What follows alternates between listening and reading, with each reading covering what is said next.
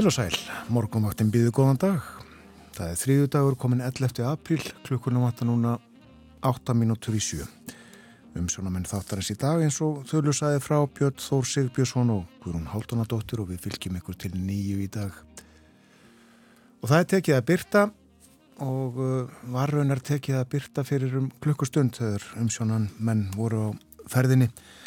Ég er ekki frá því að grasið í Reykjavík hafi grænkaða eins í hitanum í gerð. Ég held að það sé bara engi spurning og krókusarnir, útsprungnir og páskaliljurnar. Virkilega gaman að sjá þetta. Aðeins svalaræði í dag heldur en var í gerð þryggjastega hitti á landinu mjög víða klukkan 6 í morgun. Var við Reykjavík og uh, þar var hægur andvari. Tvær gráður á Kvanneri, þrjár gráður í Stikisólmi þrjárgráður bæði á Patrísfyrði og í Bólungavík 12 metrar á sekundu í Bólungavík en logg á Patrísfyrði þryggjastega hitti á Holmavík fjóra gráður á Blönduósi þrjárgráður við söðanis vita 10 metrar þar. Þryggjastega hitti á Akureyri og lítilsáttar rigning þrjárgráður bæði á Húsavík og á Rauvarhöfn og þryggjastega hitti líka á bæði Skeltingstöðum og Egilstöðum lítilsáttar rigning á Egilstöðum Þrjárgráður á höfni Hortnafyrði, fjórar á Kvískerjum og á Kirkjubæðaklaustri, fimmstega hitti á Stórhauða í Vespanegjum, einstig hitti í uppsveitum árni síslu. Og horfur dagsinskur hún?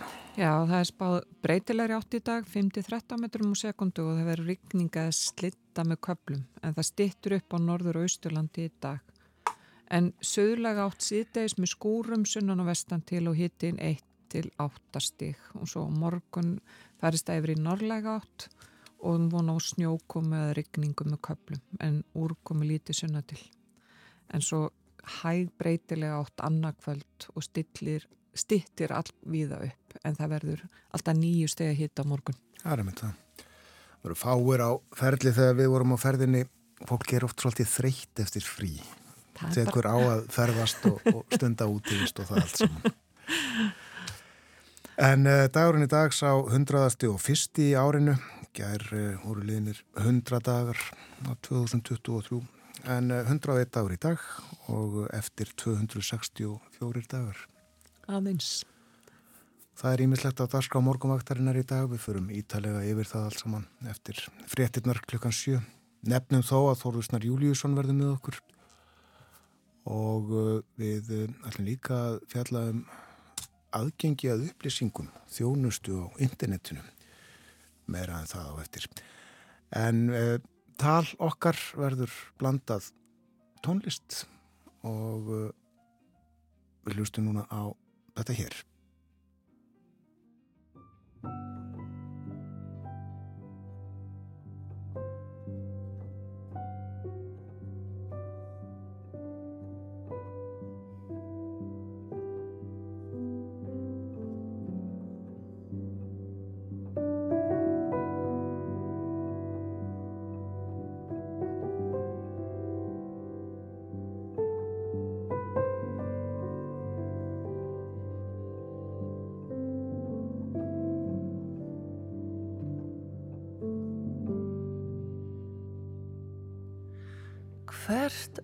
örstuðt spór var auðnu spór með þér.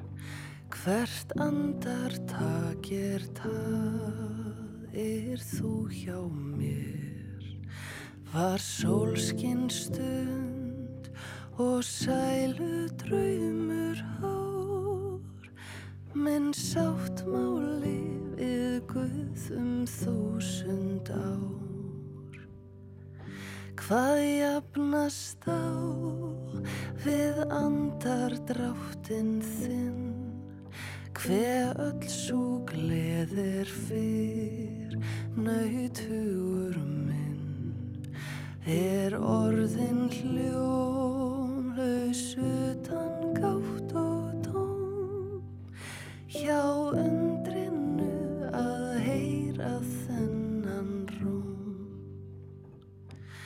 hjá undri því að líta lítinn fót í litlum skóm og vitað heimsins grjót. Svo hart og sárt er honum fjari enn og heimsins ráð sem brugga vondir menn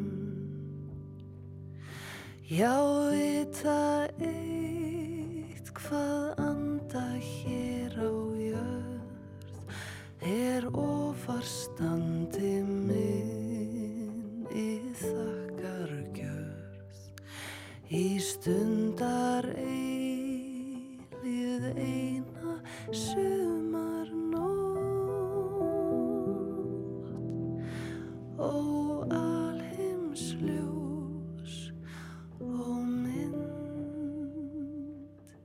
sem hverfur skjótt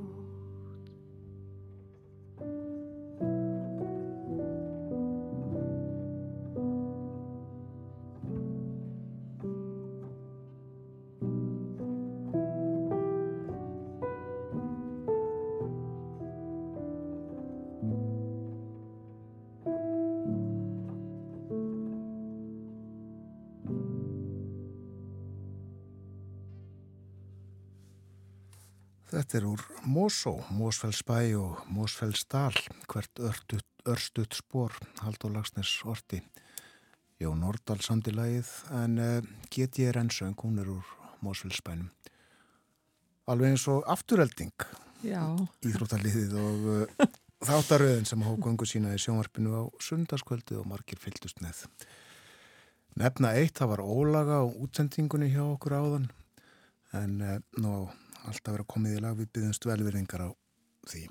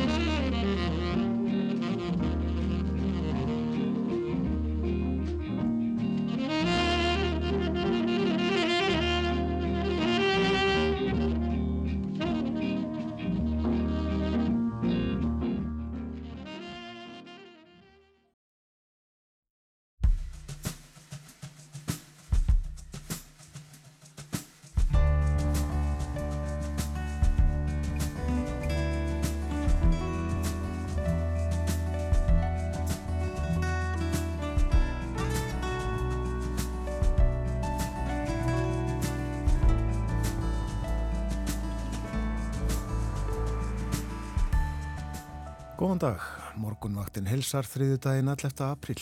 Páskafríða baki, þið höfðu það vonandi gott um páskana. Og framöndan er ný vinnuvika, fjögur að daga vinnuvika. Um sjónamenn þáttarins í dag eru Björn Þó Sigbjörnsson og Guðrún Haldunadóttir.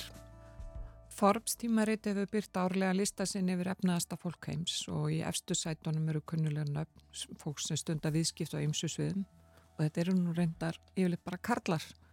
En ætli þau efnuðustu verði bara ríkari og ríkari. Við skoðum það með Þorðisna í júliusinni bladamanni uppur klukkan halv åtta. Og nú þegar allra handa þjónusta er meira og minna veitt á netinu þá er mikilvægt að allir hafi góðan aðgang. Ekki bara allsjáandi fólk með fulla heyrn og reyfigetu.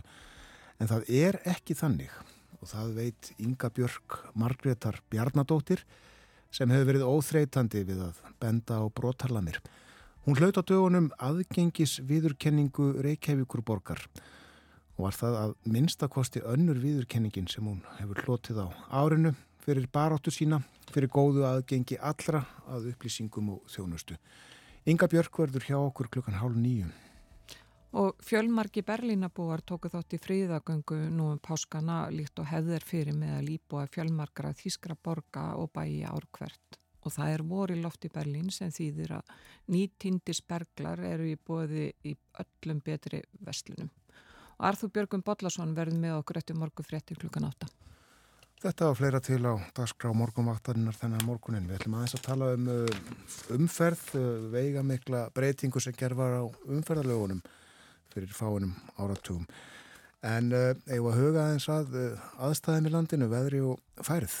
Já, það er lægð við austuströndina og í dag þá munum þokast vestur yfir landi en áttum eru því breytileg, yfirleitt góla eða kaldi en austan strekkingur norðan til fram eftir degi. Og það er rikninga að slitta með köplum íðaðum land og snjókoma til fjalla en það stittir smá saman upp á norður og austurlandi. En síðdegis verður áttin orðin söðurlag með skúrum sunnan og vestna til á landinu eða þurft og bjart um landið norðustamert og hitim eru 1-8 stygg. Morgun er von á norðan gólið að kalda og slittu að snjókomi með köpluminn landi norðamert en sumstaða rikning næri sjáamáli.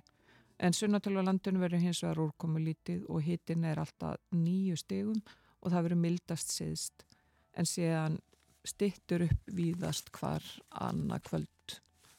Með þetta er bara ágættir spá og það er snjór á Öksnadalsheiði og það hefur verið að mókana og eins er, eru hálkublettur og holtafri heiði og það er eitthvað svona um snjó eða krabba á fjallvegum en það er samt sem aður greiðfært um landi sunnan og suðvestanvert. Á fórsíðu morgunbladsins má sjá uh, mynd af uh, dágóðun hluta Reykjavíkuborgar en í forgrunni nýbygging landsbítalans við Ringbröð og uh, þarna tel ég að sex hæðir hafa þegar risið og uh, þetta er allt saman að taka á sér mynd. Og það kemur hér fram að uh, það stendur til að byggingu spítalans ljúki 2028 og enn eftir að að vinna þarna í fimm ári viðbútt en uh, það er ekki allt ákveðið varðandi landspítalan segir hér að uh, það er til dæmis óákveðið hvort uh, þyrlupallur muni rýsa við spítalan býst einungis eitt af mörgum álitamálum sem að eftir á að taka ákvörðun um hvernig verður útvært, segir hér. Nú, uh, svo kemur líka fram hér uh, að veðustofan, hún varaði við aukinni snjóflóðahættu á Östurlandi uh, 27. mars bara á Facebook síðu sinni. Gaf ekki út svona hefðbundnar formlegar viðvaranir korki á vefsínum nýja í skeitum til fjölmiðla. Og er fjallaðan um þetta í blæðinu í dag. Svo er hérna inn í því fjallaðan fjárhástöðu Árborgar, alvarleg staða uppi þar segir hér. Og rættið formann bæjaráðs Braga Bjarnason. Og hann segir fjárháslega stöðu sveitafélagsins já alvarlega en hann er bjart síðan á að sveitafélagin á að vinna sig út úr erfileikunum Það er búið að vinna áætlunni samstarfi við innveðaráðanettið um endur skipulagningu á rekstri sveitafélagsins og þessi áætlun verður kynnt á íbúafundi á morgun. En ef við kíkjum til útlanda þá er það helst í bresku blöðunum þennan morgunin það er verið að fjalla mest um verkvall sem er hafið fjögur að verkvall í ungleiknum og þetta, hafa, þetta muni hafa gríðarlega áhrif á allt hilbriðiskerfi í Breitlandi og að því að þeir annast stóran hluta af þeim verkefnum sem að leiknar sinna þar í landi og þeir fara fram á, á bæði, já þeir sér sagt að vilja herri laun og ég held að þetta sé alltaf eitthvað 30% að launa eitthvað eða eitthvað álíka sem er 35% og svo er það náttúrulega fyrir hugið heimsókn Joe Biden bandargeforsetta til Norðurílands en það vonu honu til Belfast þar sem er verið að minnast þess að, að, að, að það fríðarsamkommulagsins sem var undirrita á förstægin langa 1998 en hann byrjuð þegar eitthvað uppþótt og eitthvað ungmenni sem eru ósátt þar í landi yfir þessari mentalegu heimsókn bandargeforsetta svo á forsýðu dag, dagins nýheður er verið að fjalla um deilur vegna fyrirhugaðara vindorkugarða út á hafi úti fyrir utan Svíþjóð. Það eru þrjú slík stóru verkefni sem að umhverfi sinnar, fuggla áhuga fólk og fleiri eru ósáttir við að eigi að reysa, telja þetta, eigi ekki heima þar en þetta er, já, það á eftir að sjá hvort að það, þetta munni ná fram að ganga. Allavega það verið tekist af um það fyrir domstólum. Og svo er pólitíken með mikla umfjöldun hér á fórsíðinu um fyrir, eða jafnvel mögulegan á því að það verði umferðarhæðin verði lækkaður í nákvæmni kaupmanhafnar með þessu verði fríður og ró meiri svona fyrir íbúa, þetta verði svona draga úr hávaðamengun en það er nú ekki allir sáttur við þetta en þetta er eitt af því sem er verið að skoða í Danmarku og þú hefur eitthvað verið að skoða umferðamálu eða ekki björn? Já, þannig er að í síðustu viku þá var rifjað upp hér í þættinum þegar ákveði var á alþingi að hætta að færa klukkuna tvísvar á ári eins og gert hafi þá verið langt skeið ákveðið að sömar tími skildi gilda allan ásins ring og ég nefndi í framhaldinu að hugsanlega myndi ég fjalla um aðra umfangsmikla breytingu sem að gerð var hér þetta sama ár 1968 þar að segja færslu umferðar af vinstri akrein yfir á hægri. Hádagurinn var 20. og 7. mæi 1968 og uh, það liðu fimm ár frá því að fyrst var lagt til að ráðast bæri í þessa breytingu og þar til þetta var gert. Þannig er að 1963 þá lögðu tveir þingmenn Kjartan Jóð Jóhansson sjálfstæðisflokki og Birgir Finnsson alþýðflokki fram tillögu. Hún hljóðaði svona Alþingi áleiktar að skora á ríkistjórnina að láta fara fram aðtugun á því hvort ekki sé orði tímabært að taka upp hægri handar akstur hér á landi og ennfremur að láta gera áallunum framkvendir í því sambandi. Og í greinager sem fylgdi tilugunni saði að með greiðum og vaksandi samgöngum millir landa færi það í vöxt að fólk tæki með sér bifriðar er ferðaðist meðal annara þjóða og þá væri óheppilegt og hættulegt að umferðarreglur væru mismunandi. Framkom að hægri handar akstur væri í flestum löndum heims og nánast í öllum Evrópulöndum nema á Englandi, Svíþjóð og Íslandi og Svíjar hefðu þegar ákveðið að breyta, ætluð að gera það 1967 og í Englandi kvettu sérfræðingar í umferðamálum til breytinga. Hjá því getur varla farið, saði greinagerðinni, að við verðum fyrr eða síðar að fylgjast með í þessum efnum. Það þarf hins vegar all mikinn undibúning og verður kostnaðasamara eftir því sem það dregst lengur. Með vandlegum undibúningi og því að hafa nægan tíma til umráða má verulega draga úr kostnaði við breytinguna. Þess vegna er þessi tillaga flutt nú. Og í flutningsræðu þá fjallaði kjartan fyrst og fremst um slísavarnir og bendi á að umferðaslís væri í flestum löndum að verða algengustu dánamennin. Mikilvægt væri að umferðareglur væru samræmdar í sem flestum löndum. Á sjó og í lofti gildu allstaðar sömureglur, skipum og flugvilum bæri að víkja til hægri og nefndi þann að fáinum árum fyrr hefðu á annað þúsund erlendir bílar lendi slísum í Svíþjóð og á þriðja þúsund sænskir bílar í útlöndum. Og þessi staðrind ásand fleirum hefðu orðið til þess að svíjar ætluð að færa sig yfir á hægri agrinn. Og uh, þá saði kjartan þingmaður Með auknum gistihúsakosti, með vaksandi samgöngum og fyrirgreðslu við ferðamenn er vafalust að erlendum ferðamennum hér á landi hlítur að fjölga stórlega á næstu árum. Með aukinni bifræðaegn landsmanna hlítur það líka að verða tíðaraði nú er að menn taki bifræð sína með sér er þeir fara til útlanda. Allt bendir því til þess að við hljótum að taka upp þá reglu sem verður alþjóðaregla í þessu efni en þar er reglanum hægri handarakstur. Og uh, það kom líka fram í máli hans að til hefði staðið að breyta þessu hér svo snemma sem 1940. Það var gert ráð fyrir því frumarpi til umferðalaga það ár. Frumarpi var samþygt en áður en ný umferðalög gengu í gildi þá hernámu breytar Ísland. Og þar sem vinstri umferð var og er enn í Breitlandi þá var álitið að Nokkur slísa hætta geti fyllt því að breyta þessu meðan hernámsliði væri í landinu. Gildistöku lagana var því frestað með bráðabyrðalög En þegar þau svo tóku gildi þá hafði þeim verið breytt, það var ekki lengur gert ráð fyrir hæri umferð. Og setna var nú vakina aðtekli á því að þegar bandrækja herr leisti þann breska af holmi þá hefði nú vál snúist við. Það var ju hæri umferð í bandrækjunum en ekkert benti til að það hefði vafist fyrir bandarískum dátum að aka í vinstri umferð. Slísahættan hún var því áðmetinn. Það hefði vel mátt innlega lögin á sínum tíma.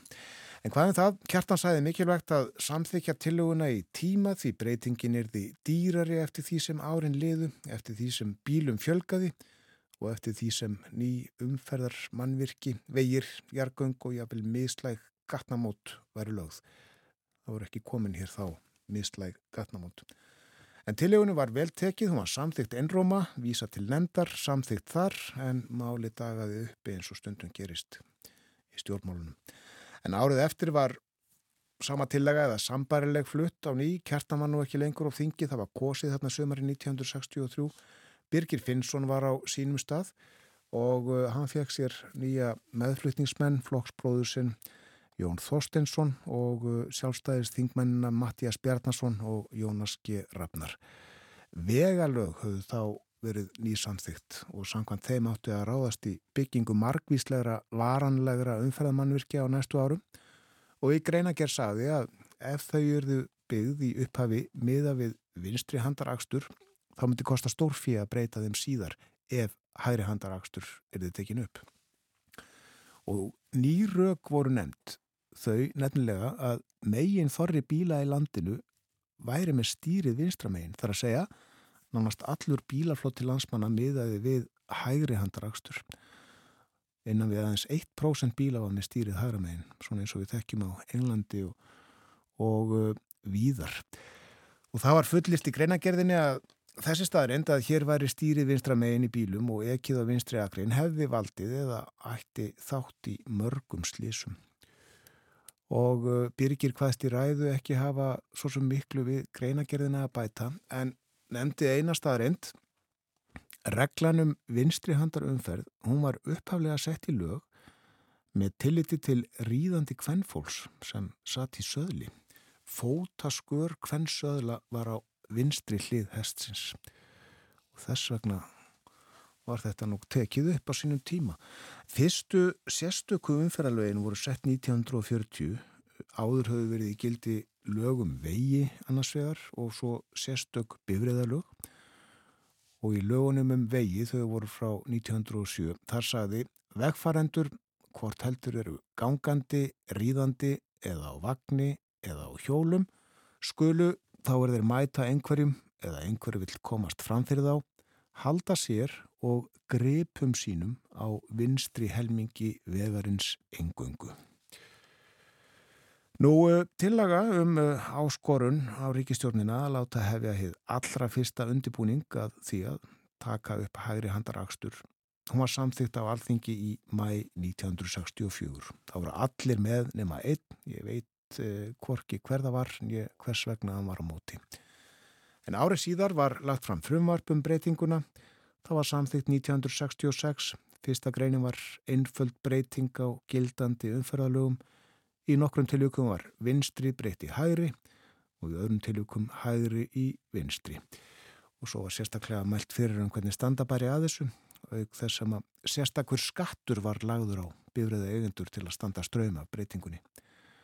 Og sett var á laginnar þryggja manna framkvæmda nefnd til að hafa umsjón með færslu umferðarinnar.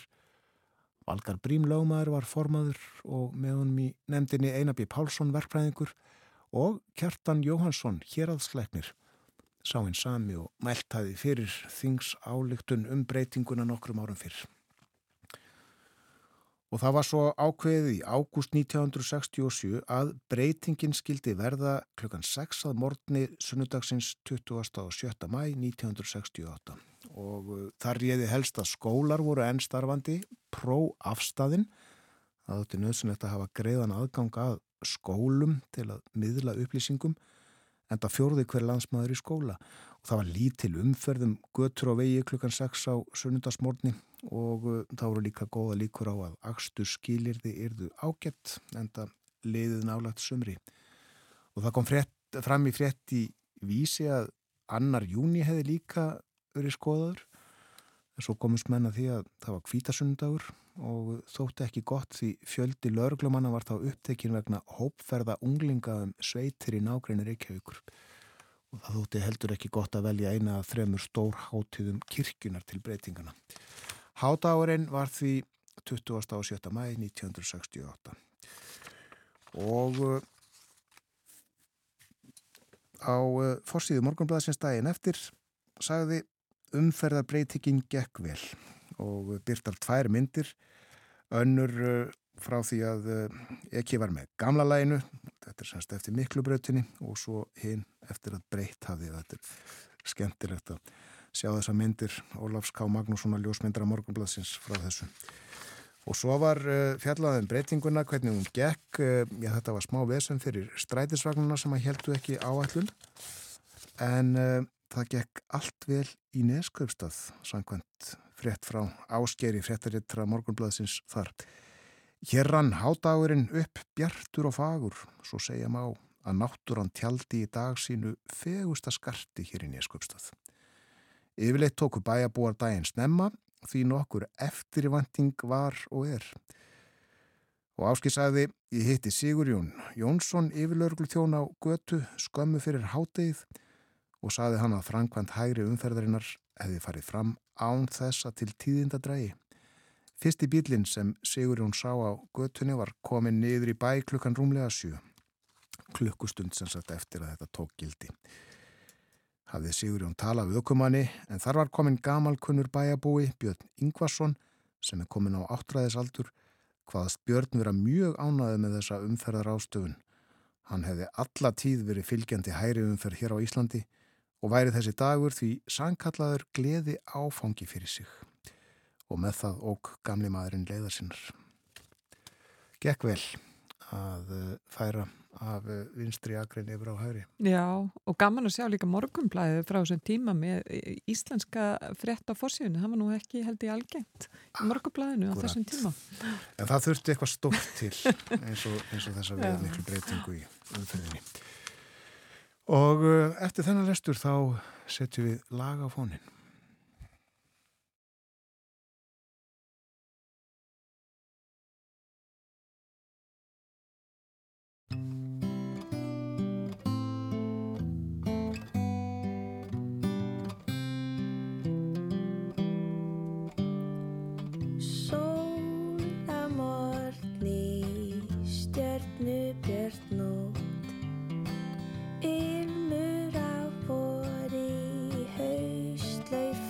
Show.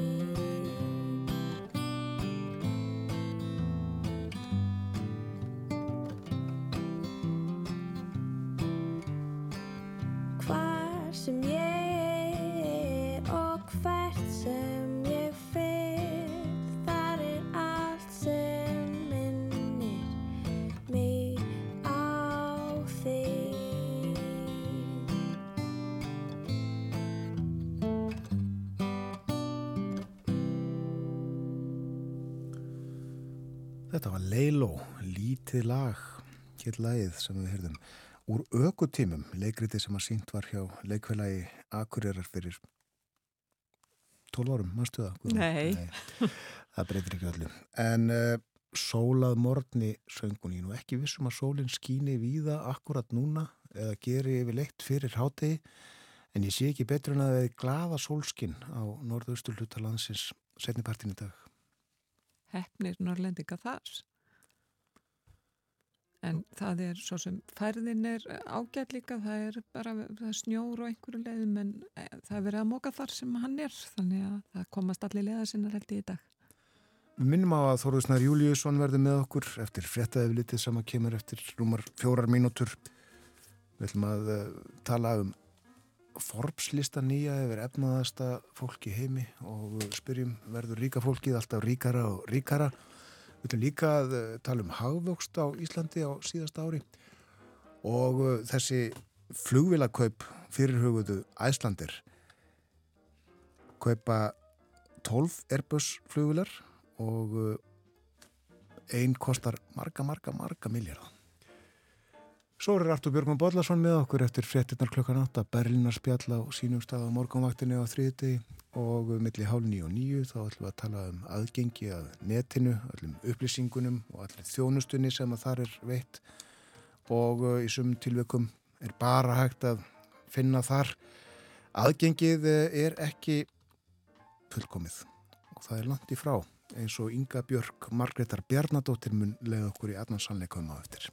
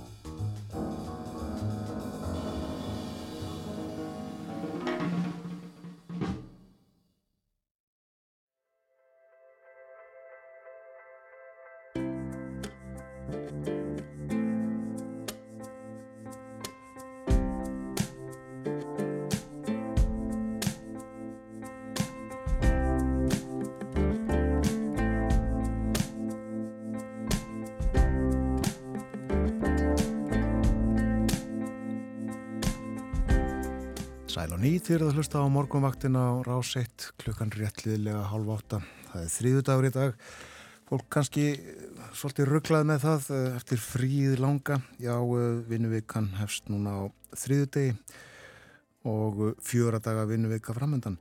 Er ekki líka frídagur í næstu viku? Jú, jú, þetta er bara núna alveg dásamdar uh, dagar. Það er semst sumadagur fyrsti í næstu viku og náttúrulega í síðustu viku þá var bara þryggjadagafinu vika þannig að þetta, þetta, alltaf, þetta fylgir alltaf vorinu. Já, það er uh, lægðu austurströnd landsins og uh, hún mun þokast vestur yfir landið, segir veðurfræðingur í hulöðingum og uh, hvað gerist þá? Jú, áttum verður breytileg. En ekki mikill vindhraði það verður góla eða kaldi. Austan strekkingur þó norðan til fram eftir degi og það mun rigna eitthvað, verður jafnvel stitta með köplum, snjó koma til fjalla. En stitti smám saman, upp á norður og austurlandi. Og hiti í dag að áttastígum og ögn hlýra á morgun þá verður nýju steg að hiti það sem hlýjast verður. Ég minna á að Artur Björgman Bodlason verður með okkur eftir fréttinnar klukkan átta og hann segir okkur frá því sem er eftir að bauði í Þýsku þjóðlífi þessa dagana. Og gestur okkar milli hálf nýju og nýju í dag er Inga Björk Margreðar Bjarnadóttir. Hún er handhafi aðgengis viðurkenninga Reykjavíkur borgar þetta árið og uh, hlaut önnur verðlaun viðurkenningu fyrra á árinu og allt er þetta fyrir uh, störfennar baráttu fyrir uh, bættu aðgengi á netinu. Það eiga allir að hafa aðgang að upplýsingunum þar og þjónustunni hvort sem þeir uh, hafa fulla reyfi getu eða ekki, fulla sjón eða ekki en það er ekki þannig. Það þarf að laga margt. En er þá ekki bara orðið tímabært að hleypa Þorði Snæði Júliusinni bladamanni hinga til okkar. Velkomin Þorður. Takk. Egu við að ræða um ríkt fólk þennan morgunin. Við getum byrjað þar. Það er ekki ágætið spyrjum. Við getum byrjað þar. Hérna, uh, henn árlegi Forbes-listi var kynntur uh, fyrir viku síðan rétt um það byll og uh, þetta er svona ákveðin samkvæðinsleikur auðvitað að verið að reyna á alla hverjar eignir ríkasta fólks í heimi séu. Uh, stundum er það auðvitað Uh, dálítið flókið þegar til dæmis um óskráðar eignir er að ræða það er eins og sem kjósa halda eignunum sínum ekki skrá, skráðum á markaði heldur óskráðum og þá geta þeir svona ja, ráði í hvernig það eru bókfærðar meira uh, og uh, ráði líka hvað er borgarmælka skattaði þannig að hérna en við skulum nú svona tilgangsins vegna ganga út frá því að þetta sé allt meitlaði stein eins og er sett fram á þessum lista sem er sá sem er svona oftast lagðu til grundvallar þegar við erum að tala um ríkasta fólk í heimi. Já. og uh, þau tíðindi voru helst að, að, að, af 25 ríkustu einstaklingum í heimi þá töpuðu þeir uh, umtalsvönu fjármunum á meilli ára þessi hópur saman. Töpuðurinnar ekkit bara umtalsverður, þetta er verulega umtalsverðum fjármunum samtals um 27.400 miljardum íslenskara króna.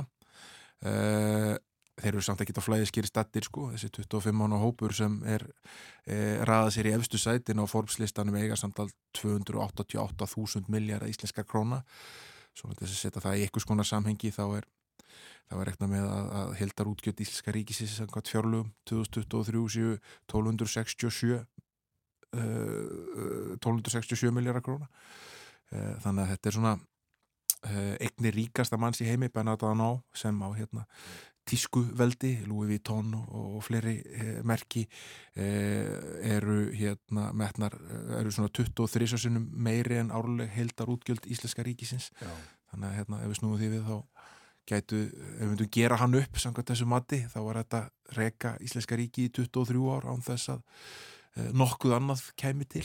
Já, ef hann myndi árlega okkur alla þessa. Það eru ekki einu svona vakstatekjur á þessum tekjum eignum. Akkurat. En þetta eru háar tölur og, og kannski eru þeir að melda svona með fyrsta kaffibóllanum en Þetta var eiginlega grundvallar spurningin, sko, er uh, ríkasta fólki heimi að verða ríkara og ríkara og ríkara, en svo er ekki sem sagt. Já, þetta eru þetta ekki einföld spurning sem þú ert að leggja fyrir mig hérna skömmu eftir páska og svona snemma morguns. Um, ef við skoðum til dæmis skýslu Oxfam frá í januar, þar sem hefur verið að meta hvernig eignir og ójöfnuður er að þróast í heiminum þá er það nefnustafan þar að ríkast 1% í heiminum hafi tekið til sín 2 þriðju af öllum nýjum auði sem hafi orðið til árunnu 2020 til 2022 uh, og það er tvísasunum meira en restin af, af hérna, heiminum 99% er skipta á milli sín og þar sagði líka að síðastlegin áratug hafði e, ríkasta 1% tekið til sín helming alls nýsaus. Þannig að samkvæmt því, ef við lítum, út, lítum á þetta út frá því hvað er að verða til á hverju ári og hvernig það skiptist, þá eru þeir hlutfarslega alveg vel að halda sér. Það eru þetta stórir aðlar, hérna, þetta var erfitt ári fyrra, stríð og það er högt í aðfangakeðjum og og ímið svona stór fyrirtæki sem hafa vaksið mikið á undanfjöndum árum sem eru að ja, lenda ákveðinu veggjum. Við farið hér á þessu vettvangi hvernig staðin hér á mörgum teknifyrirtækjunum sem hafa verið í fjölda uppsögnum og svo frammeðis svo er þetta fjármagn orðið miklu, miklu, miklu dýrara vegna þess að það er verðbólka og stýrivextir hafa verið að hækka og það hefur mikil áhrif á marga eh, við tökum kannski tvö dæmi um tvo af ríkustu köllum heims, þetta er nú að uppistöðu kallar sem ræða sér á, á þessa lista e, þá uh, getum við til dæmis hort til Elon Musk sem eiginlega tvítaði sig frá því að vera ríkasti maður í heimi. Það er nú eiginlega einvörðungu kaup hans á Twitter og, og það tap sem hefur orðið að þeirri fjárfestingu sem gerir það verkum að hann missir fyrsta sætið á milli ára uh, sá sem lækkar mest allra uh, á milli ára er Jeff Bezos uh, aðalegandi Amazon og það er vegna fals á virði hlutabriða hans í, í því reysastóra fyrirtæki. Hann eh, lækkar, virði hans lækkar um 7800 miljardar á milli ára. Eh, á meðan Musk náði bara að tapa um 6000 miljardum af sínum sínum auðafum þannig að hérna eh, svona eh, sveplur á, á markasverði stóra fyrirtækja eru fljótar að breyta þessari stöðu mm. en í endadags eru þetta aðlar sem eru löngu komnir yfir þann þröskulda geta aldrei eitt fjármuninu sínum þrátt fyrir að, já, eiga allan að það eru mjög flókið verkefni held ég að, að ætla að eigða öllum þessu fjármunum uh, á meðan þeim endist líf til. Já. Já, uh, þetta eru kallar uh, í þarna eftir sætonum og uh, flestir bandarískir, þú nefndir Bezos og Musk líka er þarna. Ellison, hann er í Oracle Bill Gates, þekkju við Warren Buffett fjárfestir. En ríkastur sem sagt frakki og hann hefur eigna sín auðaði á því að selja tískufatnað og skarkrippi og vín líka Já, en þeir eru lang flestir á þessum efsta 25 lista bandrækjaman og svo læðast hérna inn auðvitað einhverju frakkar og hérna Carlos Slim frá Mexiko sem hefur búið á þessum lista í, í langan tíma og hérna og Ambani frá, Indi, eh, frá Indlandi og, og ymsir fleiri. Já. Og ríkasta konan er frönsk, erfingi L'Oreal, Veldisins, Betancourt, Mayer. Það er rétt, þau eru í eh, 11, hún er í 11. Mm. sæti held ég, Já. yfir hérna Eh, þá sem eru ríka sér Fransúa, Betancourt, Maes og fjölskylda Dveljum ekki lengur við, þannig lista komum heim eh, það var sagt frá því núna um páskanaði, aðranda páska Æsland er allar að skipta um fluguletegund félagið hefur flóið á Boeing þóttum áratugum saman en allar núna færa sig yfir til Airbus og ætlar að kaupa 12 þóttur og uh, mögulega 13 til viðbótar og ég sá einhver staðar að sko listaverð á svona þóttu er 18 miljardar króna. Já þetta er reysa fjárfesting ef að öll þessi áform ganga eftir uh, og við skulum svona ekki mun að það er ekki langt sér að Æslandir tók svona ákvörðum að fara í reysa fjárfestingu til þess að skipta út gömlu uh, vélónum hjá sér sem voru hérna uh, 757 vélónum sem hafa verið hérna, ekki verið framleitar í hvað 18 ára en eru hafa verið svona uh, undirstaðan í, í, í, í hérna flota Æslandir í tölvert langan tíma. Og hérna uh, og þegar þeir pöntuðu Max-vélarnar hérna 2013 pöntuðu 16 uh, Boeing Max-vélar og þá var þetta framtíðin og svo þetta gerist ímislegt uh, Max-vélarnar rapa tvær og þær eru kyrsettar hérna í tvö ár uh, með gríðalögum áhrifum á, á þá sem voru að trista á þessar velar uh, Max-vélarnar voru þetta viðbrað við þessum vélum sem Æsland er að panta núna frá Airbus á sínu tíma.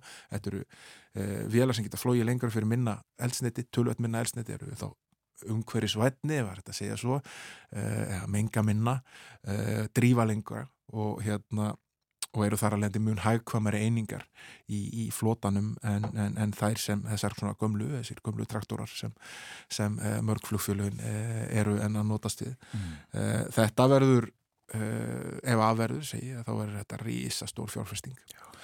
Ég eh, ger nú ekki ráð fyrir að, að Æsland er þurfa að borga átjálf miljardar fyrir uh, hverja vel um sig, menn hljóta að fá einhvern magnafslátt þegar semjaðum kaupa svona mörgum velum, en þetta er líklega með stæstu viðskipta samningum sem að Íslands fyrirtæki hefur gerst.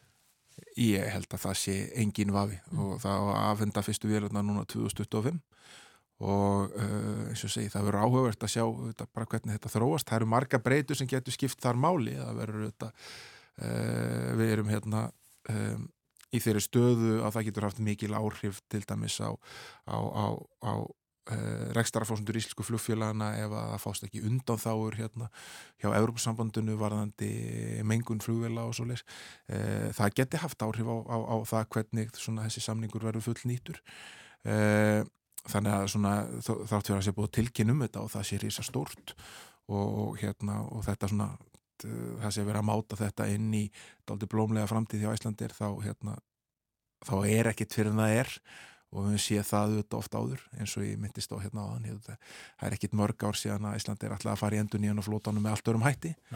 Uh, og síðust ár hafa auðvitað verið uh, krefjandi fyrir Íslandir Íslandir fór í sko fjárhagslega endurskipladningu mm. einu sinni eftir runnið og svo uh, má nú segja hérna, að kórnveru tímubili hafi bara verið önnur fjárhagsleg endurskipulatning, tvær hlutafjárreikningar og, og mikli ríkistyrkir með ymsum hætti. E, til þess að koma flugfjölanu á þann stað sem það er í dag og niðurstaðan í fyrra í uppgjörnu var alveg ásandalett, það var tap en það var miklu minna tap en það hefur verið árun undan og, og vantarlega e, mjög mikla væntingar til þess að, að árið í ár verði mjög blómlegt fyrir Æslandir. Við erum að ná vopnum okkar var haft þetta fjármálastjórnum jungstaðar Já, já, já, ég minna nýjustu tölur benda til þess að þetta verði næst besta, eh, besta þetta verði næst fjölmennasta ferðamanna árið eh, í Íslandsugunni 2018 sem voru 2,3 miljónir sem heimsóttu Ísland og, og nú er búist við 2,2 miljónum og hérna fleiri eh, gistinótt búið að bóka fleiri gistinættur en, en voru á því ári nú þegar. Þannig að hérna Eh, það eru allar velar og fullu í, í, í ferðarþjóðrustunni. Akkurat og einmitt, það var einhverjum páskan eitthvað umfyllin um það að áfangarstaðinir eru, hafa aldrei heldur verið jafn margir eins og er verða í ár til Íslands og frá Íslandi álíka mörg flugfélag en það hefur verið að fljúa víðar. Jájá já, og uh, maður finnur þetta, ég var að kera fram og tilbaka á Suðurlandinu uh, hérna, fyrir og eftir páska og hafa hansi margar dasju dösterar á, á, hérna, á þjóðuðinum mm. sem eru svona hérna, merkjum það að ferðamennir eru mættir í, í öllum sínu skrúða og, hérna, og mættir á bílalegu bílana að skoða það helsta Að þess að efnaðasmálum íslenskum uh, kom út skýsla frá hagstofunni í síðustu viku þar síðustu kannski frekar þjóðhagsspá ný með meðal annars upplýsingum um hagvöxt á síðustu árum og já, ég verð nú að segja að það kom svolítið óvart að uh, það var meiri hagvöxtur á síðasta ári heldur en uh, síðustu tíu árin þar á undan. Um, Já það verður svo að skoðast í samhengi uh, við það að uh, 2020 var gríðalögur samdráttur í hafvesti, 7,2% samdráttur Uh, og svo þegar þú reiknar hagvöxtin árið eftir þá kemur hann úr þeirri hæð. Þannig að hérna, þrátt fyrir að, að það hefur 4,3% hagvöxtu 2021 þá uh, eru við ennþ ekki búin að ná þeirri stöðu sem var fyrir korunu veru faraldurinn þá. Og, hérna, og svo var hann 6,4% uh, í fyrra. Og drefinu þetta áfram af gríðalegri enganislu og uh, mjög góðu ári hjá útflutningsgreinunum, sérstaklega sjárutvegi og álútflutningi. Uh, og ef við krifum þetta niður, ég menna við erum að fara í miklar aðgerðir til þess að að örfa uh, enganislu hérna í koronavirufaldunum, eigðum okkur í gegnum þetta allt saman. Uh, stýrivexti lækkaði nýri mjög litið og sveigurum banka til útlána aukið mjög mikið og við fáum hérna fasteirnabólu og, og hérna og hér er alls konar skattaívilnanir hérna 100% endugreisla á vinnu yðnamanna til þess að gera upp aðherbyggi hjá þeir eða breyta íbúðun, bílskotnum íbúð eða hvað sem fólk var að gera. Uh, og uh, svo er þetta orðið vandamál og það er það sem við erum að gera núna. Og við erum að taka hart í, í handbremsuna vegna þess að enganislan er orðin of mikil að mati ráðamanna of mikil að tásum myndum á tenni. Og hérna fyrir vikið, hérna sá maður ekkert núna með páskaran nema tásum myndir frá tenni. Uh, hérna uh, þannig að þú veist þetta eru svona ástæðarnar og svo bara mjög, mjög góðar aðstæður í, í sjárótvegi sem hafa skilað eh, með tagnaði í þeim gera og mjög hátt álverð eh, þorrannar síðast árið sem skilaði greiðalögum eh, útflutnistekjum fyrir álverðin sem hérna, eru með starfsemi á Íslandi en eru ekki í íslenskri eigu. Og, hérna, og þegar allt þetta er lagt saman þá ætti nú ekki að koma ávart að, að hagvöxturinn hafi verið umtalsverður en það er vissulega rétt, það er aðtilsvert að hann sé, þetta er mest í hagvöxturinn en ás uh, bara í mjög, mjög langan tíma. Og hérna og meira enn 2016 þegar hann var 6,3% við skulum muna hvað gerist árið 2016 sko, þá var verið að semja við kröfuhafana um, um, um það að þeir eftirlétu allar íslensku egni sínar og svo framvegis. Já, já, já, og kom fullt af penningum inn í landið. Já, það, voruð það? Það er hérna, við, við egnumst fullt af penningum. Við meina það. En það er gert ráð fyrir samdrætti eh, á þessu ári og eh, næstu tveimur.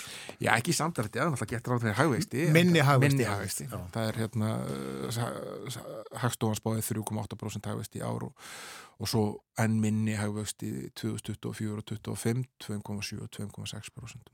Og verðbólgan verður áfram mikil út árið síns mér með að talja 8,1%? Já, það er það er viðbúið því miður, verðbólkvæntingar hafa farið mjög vestnandi og uh, fyrir viki eru stýruvöxtir komnir í þessar hæði sem er eru og, og, hérna, og þetta verður mjög flókið viðfóngsefni á næstu misserum uh, að segla inn í kjærasamninga eftir þessa stuttu kjærasamninga sem voru gerið síðast með þennan farangur.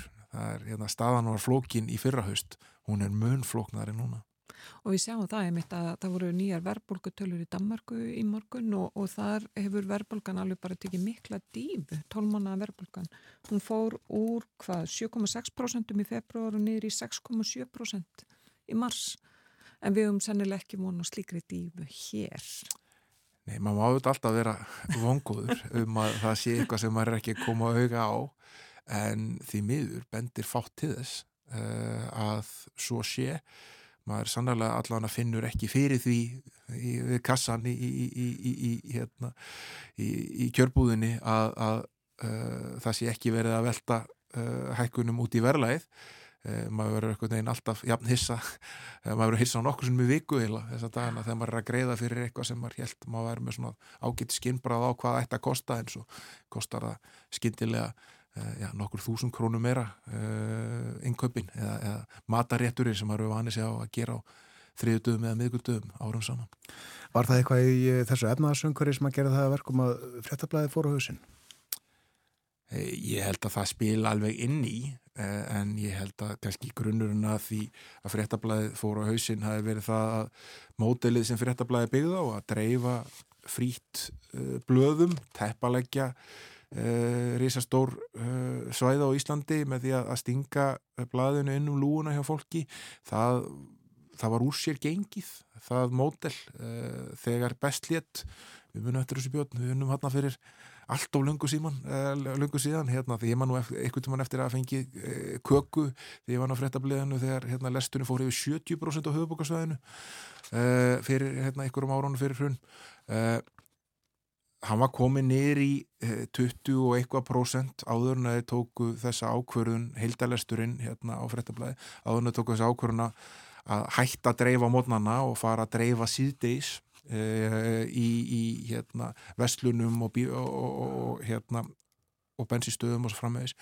Og e, það var svona koncept sem ég allan var mjög tortrygging akkvært að geti gengið upp vegna þess að þá áttum við fréttir gærdagsins og fólk er venjulega að fara í búðir og, bensinstuð eftir vinnu þá áttu að fá fréttir gærdagsins í bladaformi klukka fjóru eða fimm eða sex uh, daginn eftir þegar það fer að stittast frekar í morgundaginn.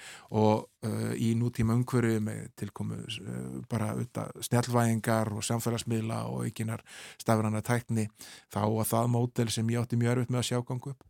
Og það reyndist raunin. Eh, því miður, það er mikil eftirsjá eftir svona stórum leikanda á fjölmjölamarkaði eins og frettablaðinu og vonandi okkur beri gæfa til þess að stíja okkur skref til þess að, að auka uh, fjölbreytni á, á íslenskum fjölmjölamarkaði sem allra feist. Já, það er vist uh, barningur að reyka fjölmiðil. Og þetta er ekki það sem mér það. en uh, ég leiti nú inn í þetta eins, eftir þetta spjallum efnaðsástandið og langar að spyrja framöndinu sko, er, er margir í vandraðum út af hérna herri afborgunum og vakstabyrði? Nei, sko Þá er ég að tala um fyrirtæki Sko, já, sko fyrirtæki eh, gæti maður ímyndi sér sko séu að minnst að halda sér höndum og frestaði að fara í mislegt sem hafi verið framundan. Uh, ef þetta horfa til dæmis á nýsköpuna fyrirtæki og önnu slík sem eru búin að ná sér í ykkur fjármögnun og meðan það var skapleg, þá eru þeir að fara að reyna að láta þá fjármögnun duga lengur. Þeir eru að fara að draga úr hraðanu sem þeir ætla að fara í að vaksa í átta sjálfbarnið eða hagnaði. Uh, þegar peningar eru rótnið svona dýrir þá eru augljóst að ykkur muni halda sér höndum og ekki ráðast í ykkur af framkvæmdir eða, eða vöxt sem uh, var kannski áður á, á takteinunum. Eh, þannig að það er kannski byrtingamyndin sem við munum sjá fyrst í atvinnulífunu hjá heimilónum eru þeir sem eru með breytilega óvertriða vexti sumir hverjir, við af sumir sem ráða alveg við, við það að borga 100-150 skrónum meira í afborgarna þó það sé blóðut uh, en sumir eru komin þá í ykkurs konar vandræðin, það er ekki orðin teljandi stór hópur en framundan þetta eru svona það sem ákalla snjóhengjuna í í þessu þegar förstu vextinnir hjá fólki sem hafa verið á trúlánum losna. Það eru 74 miljardar sem losna á þessu ári og þetta eru mörg hundru miljardar sem losna á næstu 2,5 áranu uh, og það ef að verðbólgan verður þrálátt og stýrivextir verða áfram svona háir þá er fullt af fólki að fara úr kannski 4-5% vöxtum uh, upp í yfir 9% vexti uh, og tvöfald að greiðslubyrjuna sína það gæti reynst ansi mörgum ansi þungt og uh, það er kannski ekki bestu aðstæður í heimi til þess að fara að skipta yfir í verðtriðlán í tæmla 10% verðbólgu því að þá getur upp eigi fyrir þitt uh, en það er sennilega ekki margar aðra leiðir eins og staðan er í dag sem veri bóði fyrir þá sem ekki munur ráða við þær afborgarnir sem er snart að framfyrir. Eða mánalega greiðslubyrið. Afborgarnir hennar lægri. Mm. Meirum þetta setna. Þakkaði fyrir í dag Þóruðsnar Júliusson, rittstjóri heimildarinnar. Og framöndan eru frettir kom eftir fimm minútur eftir það er Þísk tíðindi. Já, við ringjum með Arþúr Björgum Bollarsson og heyrum að Þískum fríðargöngum um páska og ímislegt fleira.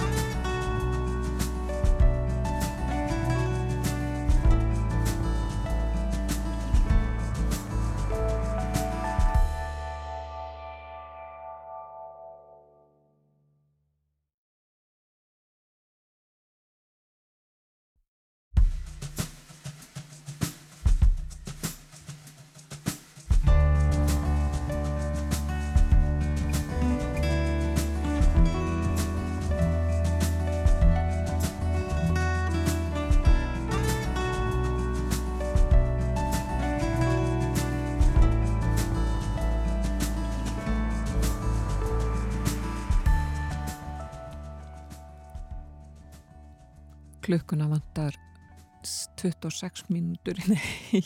Hún er 6 mínútur yfir átta. Þetta var eiginlega of langsónt hjá mér hinn að leiðina. En við sittum hérna ég Guðrún Haldandóttir og Björður Sipjusson og við ætlum að heyra í Arþúri Björgvinni Bodlarsinni í Berlín.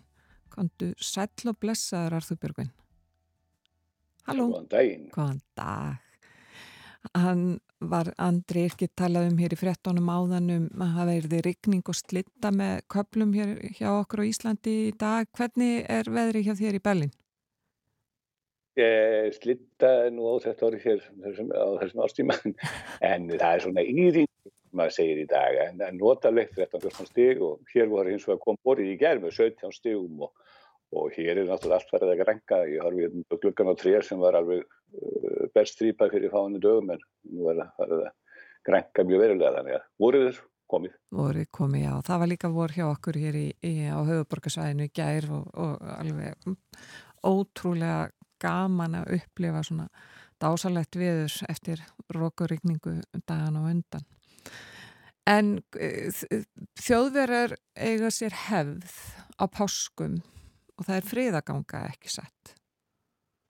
Jú, uh, það er margra áratögu hefð hér í Ískalandi fyrir því og, og uh, það er nú kannski rétt að nefna þó fyrst að áður en við tölum um göngurnar í árað að þessa friðarheyfing sem er stendur fyrir þessum göngum, hún má nú munna sinn fývil feyri og uh, þá var öldun önnur þegar rúmlega miljón manns tóku þátt í mótmælum og mótmælagöngum hér í Þískalandi um páska fyrir áratugum og, og mynduðu svona samfeldar raðir uh, fólks, uh, mörg hundru kilómetrar langar á milli borgarna Ulm og Stuttgart.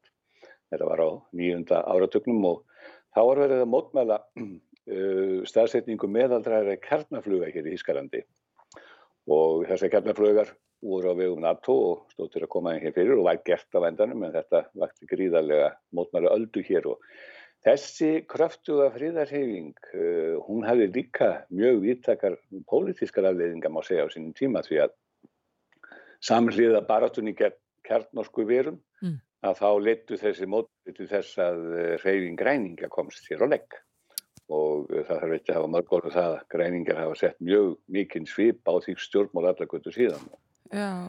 en, en frá að higgja þá eru reyndar má kannski nefna ímsir svona yrum anstæðingar uh, þessara staðsetningar umrættar að kjarnaflöga uh, núna á því að, að þessar eldflögar hafi í raun orðið til þess að flýta fyrir því að, að kaldastriðinu á milli stórveldan í östru og vestri laug.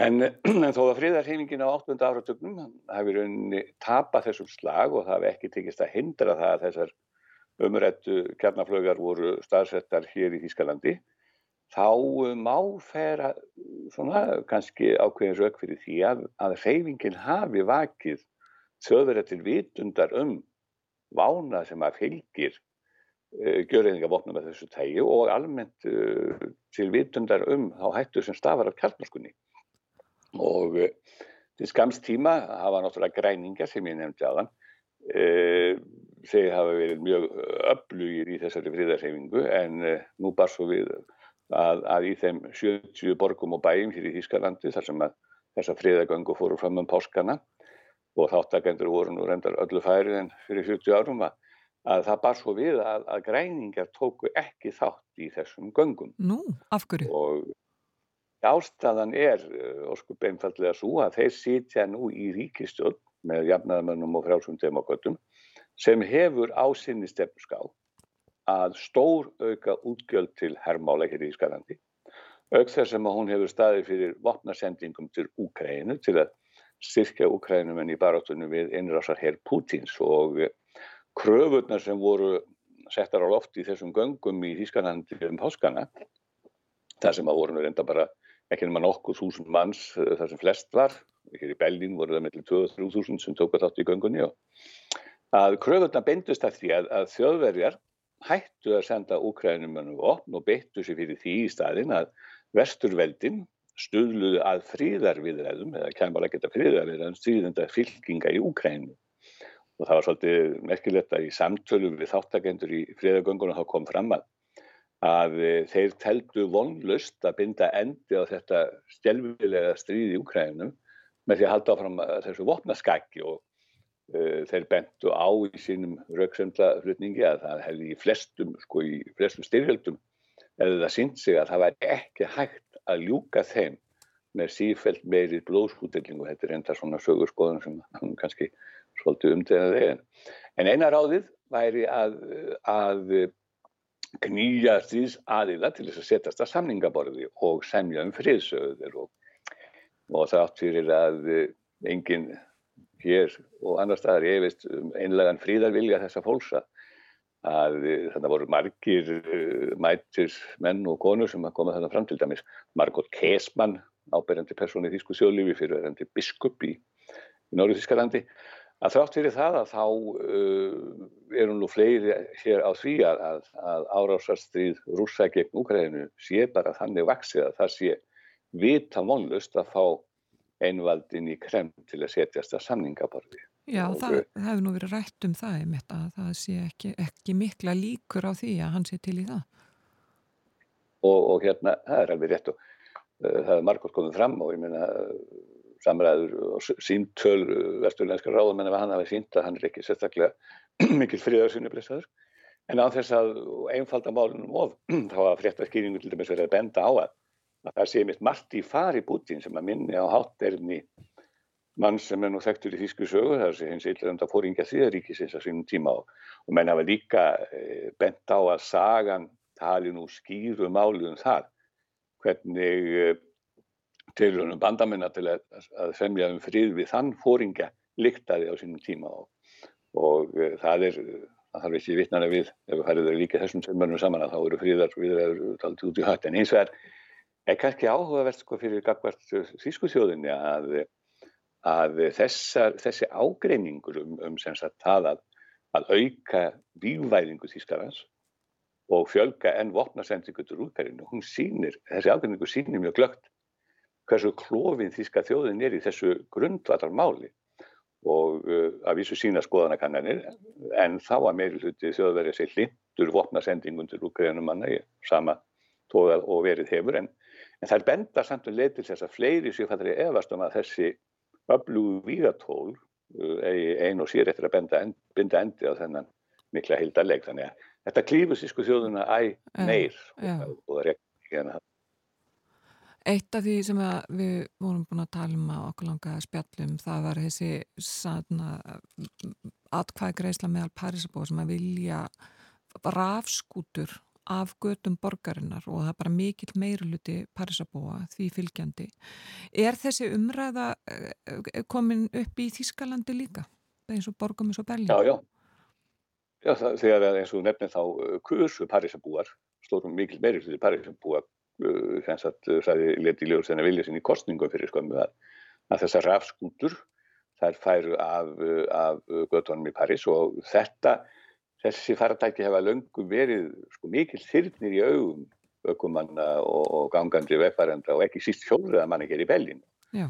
og alveg frá því að þessi, þessi faratæki bystust á göttunum hér þá hafa allir þettir hópar haft horf í síðu þeirra sem að nota þennan þess aðferð til að komast á, á milli þessar skútur til að komast á milli staða og uh, það er enda sko og hérna það þekkja líka allir sem að sem að ferðast á tveimur jafnfljótum á, á milli staði í borginni sem að gera geta sjálfur. Að skurðunar eru miklu hættulegri fyrir þá sem eru fótgangandi heldur en bílar. Það hefur, maður verður að vara miklu meira þeim heldur en bílum sko. Að fara það hrætt líka. Og er, Og- er þeim ekkið á gangstjettum í borgum Þýskalands? það er hér í Bellin Já. gangsettum og það heldur hefur það sérst mikið mann um daginn bara var ég hérna í bæu fyrir nokkur dögum þá komu tvær rafskullur á gangsettin á móti manni og, og báðar voru sko tvíment á þeim báðum sko. það er nú alltaf kannski að tvímenn á ákveðnum rósum í stöðland en ekki tvímenn á þessum rafskútum er alveg fáranlegt vegna þess að þá hefur þá sem stýrir skútunni hann hefur ekkert vald á hann sko Mm. og, uh, og uh, það er sagt, mjög algengt að maður þurfi bara skjótast undan þessu eins og ég þurfti að gera sárum um daginn. Þegar það kemur á flegi fyrir fyrir hot og maður eru á röldum göttunar og, og sömulegis eru náttúrulega uh, þessar skútur, rafskútur mjög óvinnsæða hjá sjálfröðamönnum en það má segja að þeir eru oft sko fótstígum sínu fjöra launa þegar, þegar þessar uh, hraðskreiðu og, og hljóðlát uh, raf skútur skjóta fram úr þeim í umferðinu og, og það er, það, er, ekki fyrir það þá að margir sjóðnir svolítið þreyttir á þessum þessum faratækjum þegar Eh. svo er má hafa í huga það muni vera rúmlega 50.000 rafskútur á göttunum hér í Belgin, hvorki minni minna þannig að, að menn fengur svolítið anstæðingar þegar fengur svolítið býr í, býr vangina þegar að þegar það kom í ljós að Parísabúar vildu losa sig við þessar rafskútur þannig að það eru það er svona uh, tölumverður reyfing fyrir því núna og eflaust eiga e, á þessi byr eftir að magnast og, og þannig að rafskútur, ég er ekki að segja að það er verið bannaðar á, á bökkum árunna spri, á spribökkum eins og signubökkum en, en e, það má búast til því að, að það verði svona þjarmað að þeim svolítið og svo líka annað. Mm. þetta liggur eins og hráðið um allar gangstittir e, sko það hefur verið mjög erfitt að, að finna þeim stað. Fólk er að leiða þetta og svo skilar það þeim einhver staðar og lætur það bara liggja og svo þetta niður og, og þá, þá þarf maður að klöngarast yfir þessi blessuðu blessuðu faratæki þannig að og svo er náttúrulega bara að lokum á nefna uh, það er sko það er þannig að, að, að sko rannsóknir sína 40-100 allra bílferða í borginni uh, almennt eru stittir en 5 kilometrar Mm. þegar menn eru ferðast um það þannig að það er ekkit, uh, ekkit fráleitt að, að, að, hérna, að koma þessum fyrirbærum í burtu og svo er annað líka að lokum að menn eru að hugsa hér í framtíðina nú eru það flugskúturnar sem Nú. allir eru að tala um hér Bittu, bittu, hvað er það? Það er, bara litli svona leigubílar sem fara loft og fljúa yfir borgina. Og, og þetta er framtíði en eru konur á kafi í rannsóknir og, við brósum með þessu núna það var líka brósaði því á, á, á fyrir öldum þegar við töluðum um að fljúum hálóftin og það var leigið að því en við, nú förum við öruglega bara á leigubílum. Eða leiguskútum um hálóftin á randum líður sko, það eru margir sem segja að það er ekki um að fá einn ár í það. En uh, þetta er náttúrulega bara framtíðin. Að losa borgina við þessa umfram og menn bara taki sem fara um, um loftið Þetta er ekki alveg að stresta á nei, það verður fróðlegt að fylgjast með þessari þróun næstu árin. En það er eitt sem er alltaf vorbóði í Þýskalandi sem og víðar, það er þegar að spergiltíminn byrjar. Já, já, það er mikill viðburður eins og þú segir, það er vorbóði þegar að spergildin kemur hér á markaðin og farið að skera hann og, og nú er hann komin e, í allar búður með skvítur eða grenn og það fyrir eftir því hvað hann vext þar að segja, svo hvíti vex undir yfirborðið jarðar og svo græni upp á jörðinni og var jörðinni og svo bræðið að þessu frábæra góðmeti og lit, grenni þeir sem þekkja þetta fersta þá er svo grenni mun bræðmeri og mýkri. Og það er mikil kunst að afhýða þennan blessaða spergil og stundum eh, fer það forgörðum sem er að sjóða þetta og þá er hann bara segur og vondur. En eh, ef að vel tekst til þá er þetta alveg herramansmatur og svakalega ljúfengur og uh, ég segi fyrir mig að, og er í getnum það að hlakka alltaf til þess að spergiltíðin byrjar sem að stendur núna fram í júni og uh, algengasta aðferðin við að borða spergilin og svo sem að notur á veitingahúsum í viljit það er að bera hann fram sjóðan og bera fram með svonum kartöflum og hollendesósu. Uh, ég ætla ekki að fara hér út í mataröpskiptir þessu sinni, þá má ég skjóta því að ef einhverjir á Íslandi er að bá í þetta, þetta okkar heimili var í þetta sinni yfirbakkaður í opni, hef aldrei gert það áður en við en það var náttúrulega mjög mikið herramarsmatur líka með ripnum ost og stektum sveppum yfir en. En þetta er alveg svakalega mikill gómaklæningur og svo er annar mála að hérna, eh, það fylgir þessu bara svona, þetta er Þetta er heilmikil hefð og uh, þetta er erfitt að taka þetta upp á moldinu og ná þessum sérstaklega þeim sem vext nýri í jörðinni því að það þarf alltaf að flytja inn tölurverðan að fjölda verkamanna frá öðrum nærlíkendur löndum til þess að, að vinna þetta. Þetta er erfitt verk og, og tekur á. En uh, svo er náttúrulega annað líka að spergillin, hann er, sko, hann er, eins og þú saðir áðan, hann er vorbóði og, og, og þegar hann kemur þá finnum maður að voruð er komið þetta helst alveg í hendur núna því voruð komið í gær Já. og hann kom bara fyrir helgina. Hann fór ekki mikið með vorinu hann var bara álíka áræðulegur en svo lóan núna á Íslandi. Og hvort varstu með hvítan eða grænan í matinn? Eh, ja. Hvað sér og, dan, Já, og, og hérna, fór nú skemmir í leiðina vegna þess að það var þetta að fá hann bara það var búið að skræla hann, búið að akið hann það spara maður þetta við það er aldrei visið alltaf en, hann náttúrulega kostar aðeins meira ef að búið að vinna hann svona tilbúin í pottin en uh, það var mjög ljúfund og hafa svona þunnar kartöflusneður undir og, og létt streikta sveppi yfir og síðan saldra ost yfir þetta og baka þetta svo í opni í svona hálftíma þá var þetta alveg herramas matur sko. Það er þetta geran, það eru 90 eitthvað uppskriftir til fann ég á netinu af, af uh, ferskun spergli hvernig þetta er að matriða, hvorki minni minna. Þetta hljómar vel. Ég held við verðum nú bara að heyra eitthvað fallegt vorlag til efna þessu. Það er nú ekki mikið um, um, um spergil vorið, spergilin og vorið og, mér dætti huga að við myndum heyra lag sem heitir Verónika, þetta er, spargelvext, þar að segja Verónika, nú vext spergilin, nú sprettur spergilin frá þýði áratug uh, aldarindar uh, síðustu uh, og þetta er nú lag sem að sá frægi söng, svo fræga söngsveið Comedian Harmonist uh, gerðu frækt á sínum tíma, það er ekki eftir þá en uh, ég legg til að við hlustum á þennan ljúfenga vor og spergil söng í flutningi Konstantin Stors og hljómsveitar hans. Við gerum það. Takk kærlega fyrir í dag, Arþúr Björgvin Bollarsson.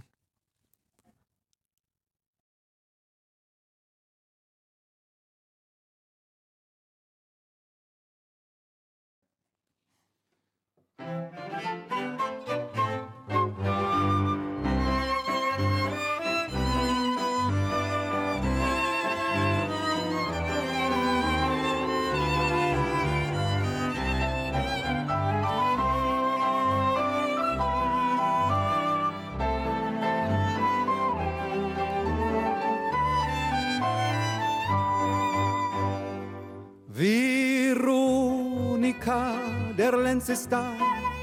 Die Mädchen singen tralala. Die ganze Welt ist wie verhext und überhaupt der Spargel wächst. Veronika, weiß oder grün, lass ihn in heißem Wasser ziehen. Sogar der Großpapa fragt seine Großmama, ach ist noch was vom Spargel da? Jüngling sticht, ob sie wollen oder nicht. Draußen ist Frühling. Der Gourmet Otto Licht hält es heut für seine Pflicht, kocht ein Spargelgericht. Veronika, der Lenz ist da. Die Mädchen singen tralala. Die ganze Welt ist wie verhext und überhaupt der Spargel wächst. Veronika, weiß oder grün, lass ihn in heißem Wasser ziehen. Sogar der Großpapa fragt seine Großmama, ach ist noch was vom Spargel da? Gut geschält, weich und gare Schinken von Veronika und Hollandaise. Schlank und weiß, zart und heiß, wie ich leicht ins Köpfchen beiß, sing ich zärtlich und leis. Veronika, der Lenz ist da, die Mädchen singen tralala. Die ganze Welt ist wie verhext und überhaupt der Spargel wächst. Veronika, wie du mich quälst, wenn du so zärtlich Stangen schälst. Du bist so zart und fein, ach sei du meine Jane, ich will dein Spargeltarzan sein. Þetta var nú aldeilis flott að heyra þetta eftir að hafa rætt um spergla í Berlín. Arþúr Björgun var með spergla í matinn um páskana. Góma glæðningur, kallaði þá. En það líður að frétta yfir liti og eftir það þá kemur Inga Björk Margreta Bjarnadóttir til okkar og við ræðum um aðgengi.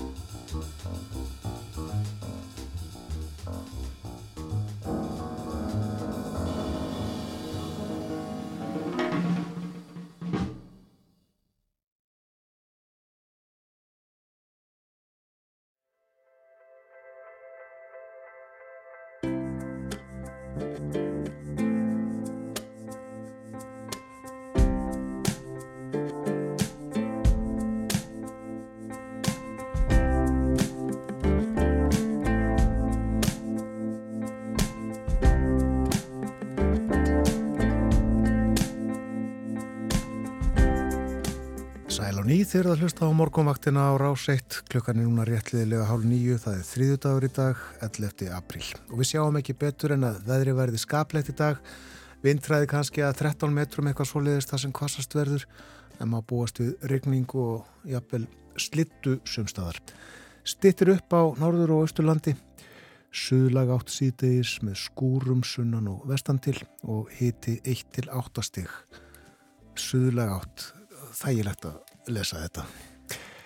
En uh, aðgengisviðurkenning Reykjavíkuborgar var veitt í fymta sinn undir lok marsmánaðar. Viðurkenningin er veitt fólki, hópum, samtökum eða öðrum sem að staðið hafa vörðum gott aðgengi. Blindrafélagið hlaut viðurkenninguna þegar hún var fyrst veitt og Haraldur Þorleifsson í fyrra. Í ár er handhafi Inga Björk Margreðar Bjarnadóttir. Inga Björk er margt, hún er listfræðingur, aktivisti og fyrirlesari. Hún er starfsmæður þróskahjálpar, kennari við háskólan og líka doktorsnemi, já, varaþingmaður. Velkomin á morgunvaktina. Takk fyrir. Til hamingju með aðgengis viðkenningu Reykjavíkuborgar. Takk fyrir. Þú varst líka heidruð fyrra á árinu á UT-messunni svokvölduðu fyrir að vera UT fjölbreytileika fyrirmynd. Já, það passar. UT stendur fyrir upplýsingatæknið eða ekki? Þá er þetta allt ljóst.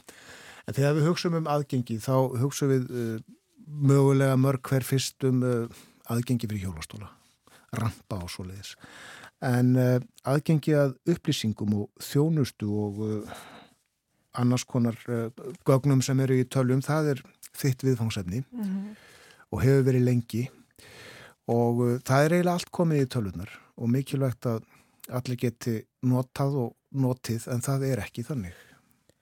Nei, um, ég sagt, hef verið að skoða þessi stafrænu aðgengismál síðustu ár. Uh, ég er sagt hjál, sjálfi hjólastól fyrir hlustendur heima og hef hérna verið lengi að berjast fyrir aðgengismálum og, og hafði kannski svona sjálfist þegar ég var tí, millir 10 og 15 ára gömul um, verið að berjast fyrir bættu aðgengi fyrir hjólastólið mitt og það er svona kannski að fyrsta sem kemur upp í hugan á fólki, rampar og lyftur. En á þessari öll sem við lifum í dag þá fer þetta stafræna aðgengi að skipta sífælt meira máli og, og því miður þá er oft erfiðar að, að takast á þessar hindranir sem eru í tölvuheimi því að um, tölvurnar eru svolítið svona hlutlaus miðil um, það er engin manneski hérna á bakvið það er engin hérna Jón Smiður sem þú veist að klikka það á að gera rampin eða, eða annað slíkt. Um, þannig að það vantar svona svolítið þess að mannlegu tenging á milli þannig að það hefur oft reynst fölluð fólki og jáðsettum hópum erfitt að fá lust sinna mála því að tölvukerfin eru svona þessi svona stóra uh, eining sem uh, margir koma að því að skapa og þannig að það virðist oft vera erfitt að finna lustn á vandanum þegar hann kemur í ljós. Hvað er helst að svona svo nefni dæmi? Um, stærsta hindrunin sem stendur fram með fyrir til dæmis fólki með þróskhömlun og mörgum öðrum svona jáðarsettum hópum eins og til dæmis fólki á flóta, fólki sem glými við heimilisleysi eru rafræn skilríki og þetta eru auðvitað líka reysamál fyrir hérna, eldriborgara. Uh, eh, rafrænu skilríkin eru mjög góð og, og einföld laust fyrir langstæstan hluta fólks og, og það eru flest okkar sem nota þau á nokkura vandkvæða en e, þegar við erum komið allt í tölvurnar þá er svo krafa að við getum auðkjent okkur uh, á örganhátt, að það sé alveg örugt að sért þú sem ert að nota tækið þitt. Og þarna fara að koma alls konar hérna, aðgengiskröfur um að þú getur uh, skrifa nafnið þitt, slegin pinnúmer um, og, og sísla með öll þín mál sjálfur.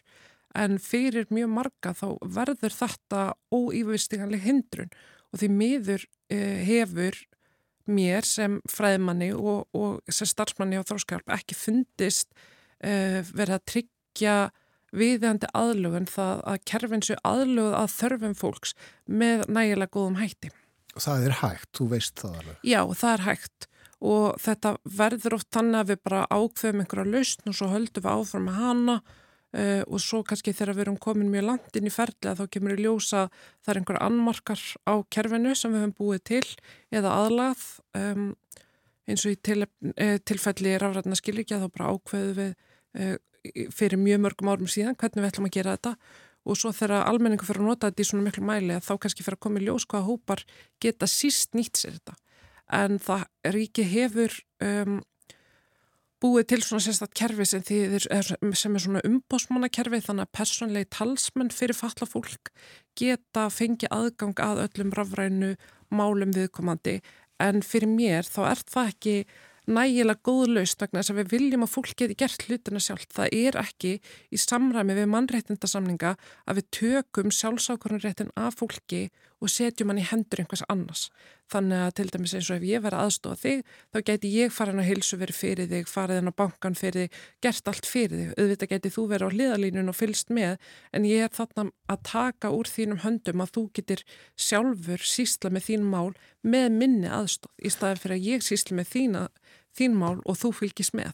En það er hægt að gera þetta einfaldara þannig að allir geti notað án þess að slaka á örgiskröfum. Já, það er hægt og Euróska reglugjari gerir líka ráð fyrir því að samningi samnið þjóðan sé fyllt og þar leðandi gæti einhverjum tilfellum þurft að slá eitthvað örgiskröfum fyrir þannan hóp en það er hægt að nota eh, annars konu auðkenningarleiðir heldur en bara eh, pinnumir og þetta eru auðvitað hópur bæði eldriborgarar og fólk með þróskahumlun og skildafallanir sem þarf mikla aðstöð í daglegu lífi þannig að auðvitað er það þannig að fólk um, er að fara á heilsuveru og mun þurfa aðstóði kannski að endur nýja livsæla sína og annað slíkt. En, en eins og þetta er verið að útferða núna þá eru aðstandendur, forstöðumann og búsettukjörnum um, vinir og ættingjar lendi mjög miklu vandræðum og við erum að tala um að þetta er enginn smámál, þetta snýstum að fá niðurstöður úr krabbamenns uh, rannsóknum, þetta snýstum að fá lífsnöðsynlega lif úr apotekum um, og þetta, við erum bara svolítið í hérna,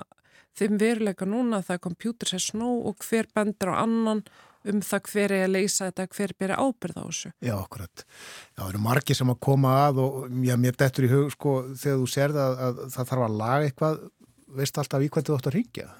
Nei, alls ekki og náttúrulega með þessi stafrænu mála þá eru þau mjög skipt á milli og bara við hjá þróskahjálp höfum lend oft í miklu vandra með það að finna bara yfir höfu ráðuneyti sem við eigum að ræða við því að auðvitað fellur hver stopnun undir sitt ráðuneyti, svo eru stafrænumálin undir stafrænu Íslandi sem er í fjármálráðuneytinu um, en stafrænumálin eru samt að hluta til hjá háskóla og nýsköpunarráðuneytinu og að einhver liti á innveðaráð þeirra þannig að og svo eru auðvitað öll heilbreyðismálin og heilsuveru undir heilbreyðisráð þeirra þannig að við erum bara að hlaupa oft í ringjar en að finna lustnir og nýlegt dæmi sem hefur verið til, talsvært til umfjöldunar fjölmjölum er hérna með loftbrúna hjá vegagerðinni að einstaklingar sem eru utan landi geta fengið hérna, styrk til þess að fljúa til höfuborgarnar og það hefur reynst mjög erfitt að fá uh, lausn á þeim málum til þess að einstaklingar sem er ekki með rafræðan skilriki geti nýtt afsláttin.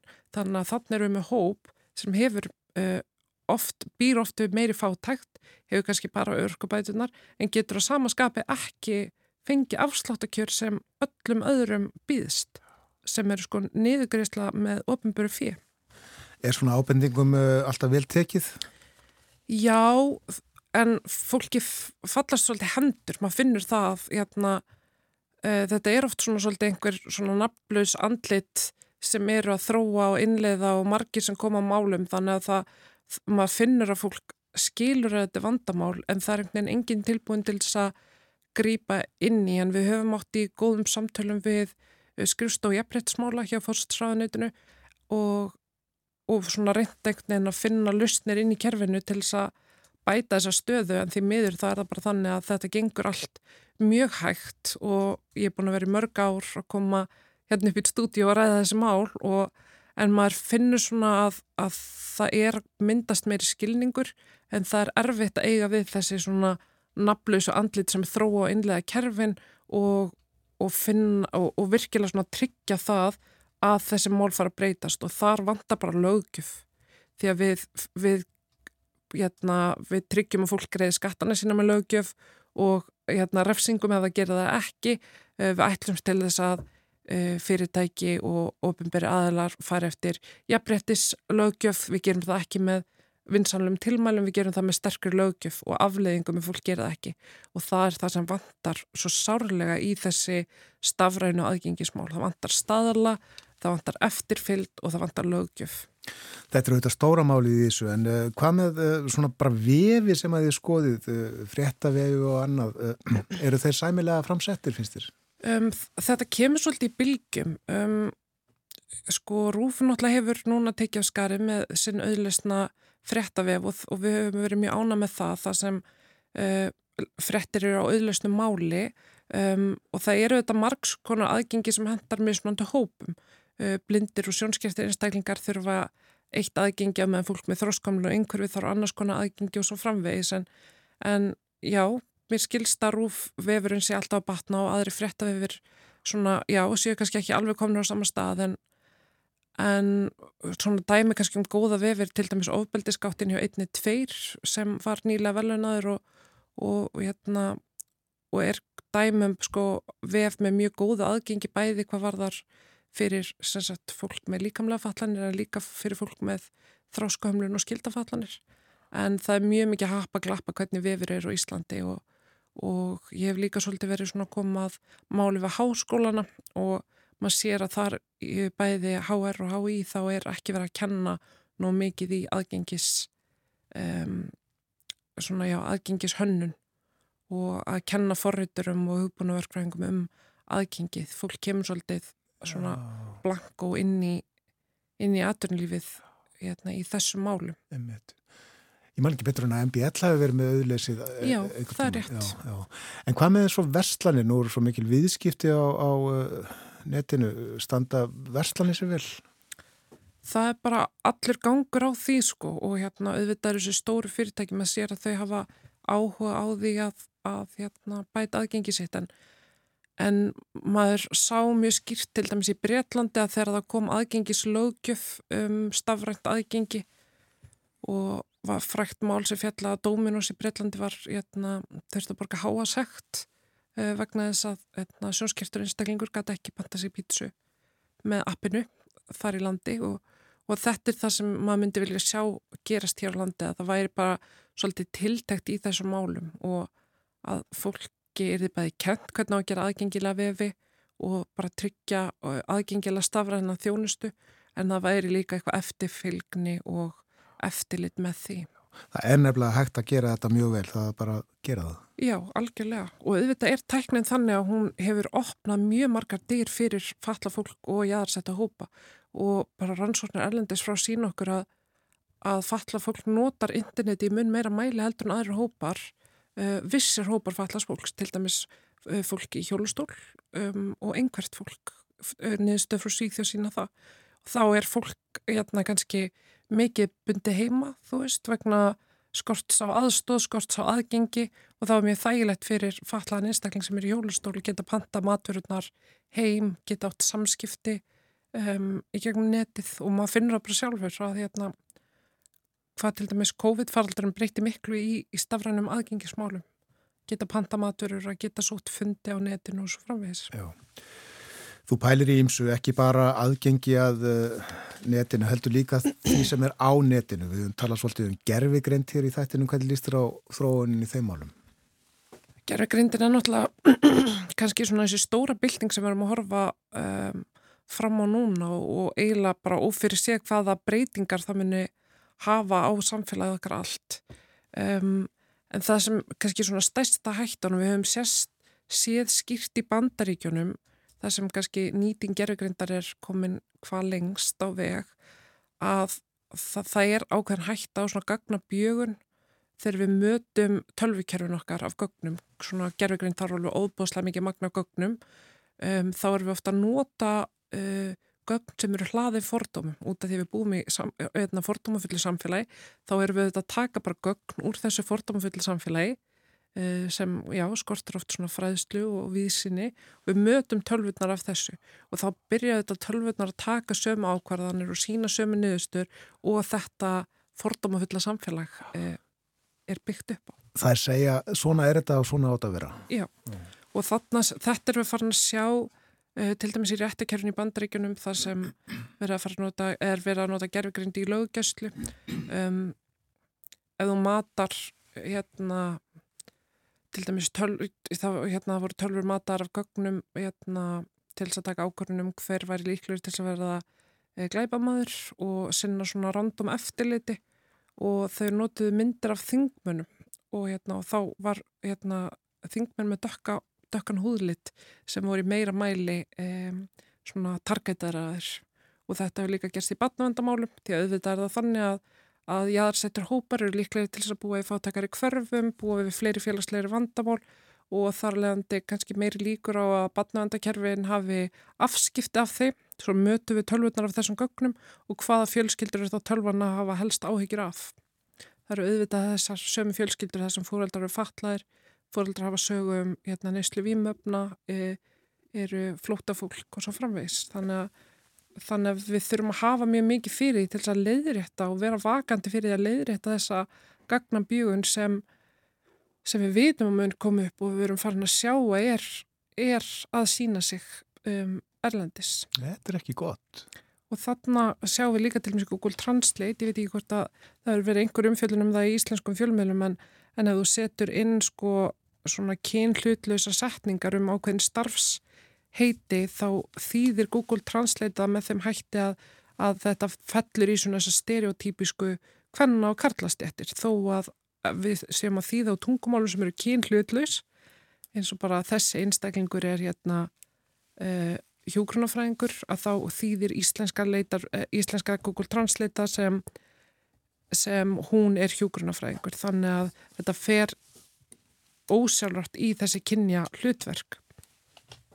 Þetta viltu laga líka? Já, þetta er bara eitthvað sem við þurfum öll að vera vakandi fyrir og, og ég veit að fyrir víst að að þau sem vinna helst í þessum málum hér á landi eru mjög meðvitu um þetta uh, í þau sem vinna að máltekninni Já. og við höfum átt góð, góð samtöl við þau hjá þráskjálpum að hvernig við getum tryggt það til þess að rattstýringar takja mið af þeim sem tala með óhaugbundum hætti, hvernig við getum tryggt það að þessi bjögun kom ekki fram þannig að ég hef svona minna áhugjur á málteknin á Íslandi hvað þetta varðar en, en það skiptar alveg öllu mála við sem öll vakandi verið þessu. Þú hugsa mikið um þetta, uh, þú ert í doktorsnámi eins og ég nefndi á þann, er ekki rétt um að þú ætlar að rannsaka áhrif stafrætnar framþróunar á jæðarhópa? Já, hjá hennu ofinbera, þannig að við, ég ætla að fara að skoða uh, hvernig Íslenska ríki hefur svona uh, tekið stafræna framþróun og hvaða áhrif það hefur haft á jæðarsetta hópa með sérstaklega áherslu á fólk með þróskamlu því að það er hópur sem er mjög jæðarsettur. Er þetta alveg órannsakað? Já, þetta hefur lítið verið rannsakað á Íslandi og bara ekki neitt í rauninni. Um, það, er, það var uh, nýlega kom út hérna, grein upp úr COVID-rannsóknum sem síndi fram á hvernig uh, svona COVID-málinn höfðu áhrif á þannan hóp, fólk með þróskamlun og þar, og þar undir var líka hérna, stafrænumálinn, hvernig fólk fólki og ungmennum gekk í skóla, stafrænum skóla, hvernig gekk að nota hilsuveru og svo framvegist þannig að það er unni svona eini ángina þessu sem hefur rannsakaður hér. Hvernig er alltaf að klára þetta? Já, ég hef ekki að gefa þessu svona þrjú-fjúr ár. Kemur til okkar þá eftir þrjú-fjúr ár. Eins og við sögðum í kynningu þá ertu listfræðingur, aktivisti, fyrirlesari, starfsmæður, þróskahjálpar, kennari við háskólan, dóttorsnemi, varaþingmaður. Hvað ætlar að gera í dag annað en að vera hér í viðtali á morgunvaktinni? Já, ég er á, á fund ríkislörglustjóra þannig að það verður spennandi, það er framöndan. Um hvað ætlir þið að spila? Ég, etna, ég hef verið að kenna svolítið í lörglufræðunum og í háskólum og akureyri um samskipti lörglumanna við, við hérna, fólk með þróskamlun og falla fólk þannig að við ætlum að ræða það hvernig við getum haldi áfram að þjálfa lauruglumenn. Það er mikilvægt. Takk að þið kellaði fyrir að koma til okkar. Takk fyrir mig. Gangiði vel. Takk. Inga Björg Margreðar Bernadóttir, handhafi aðgengis viðkenningar Reykjavíkuborgar 2023 og eins og ég nefndi líka utje fjölbreytileika fyrirmynd. Guðrún, þú valdi lag? Já, það er Sólin er komin, ég var svo í Björnsin í gær með Mungisson.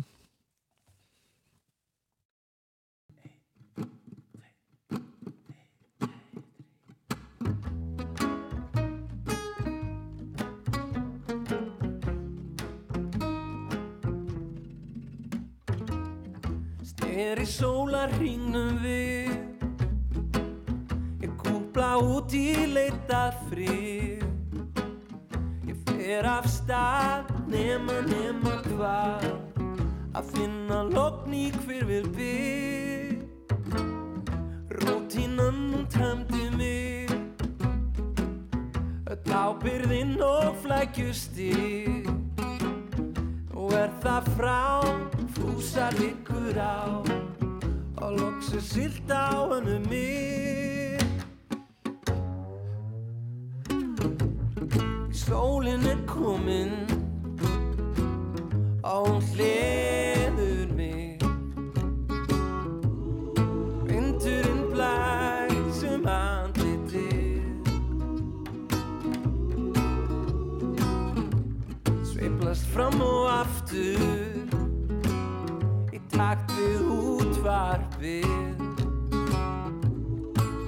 Er bara gott að vera til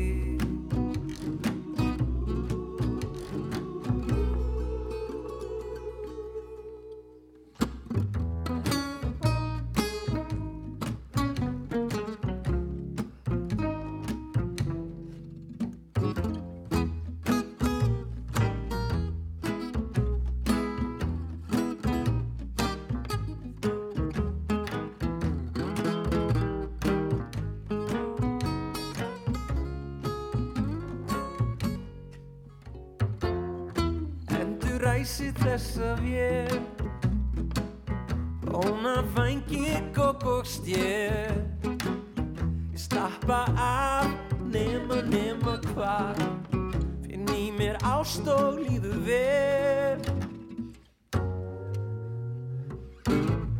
Já, sólinn er komin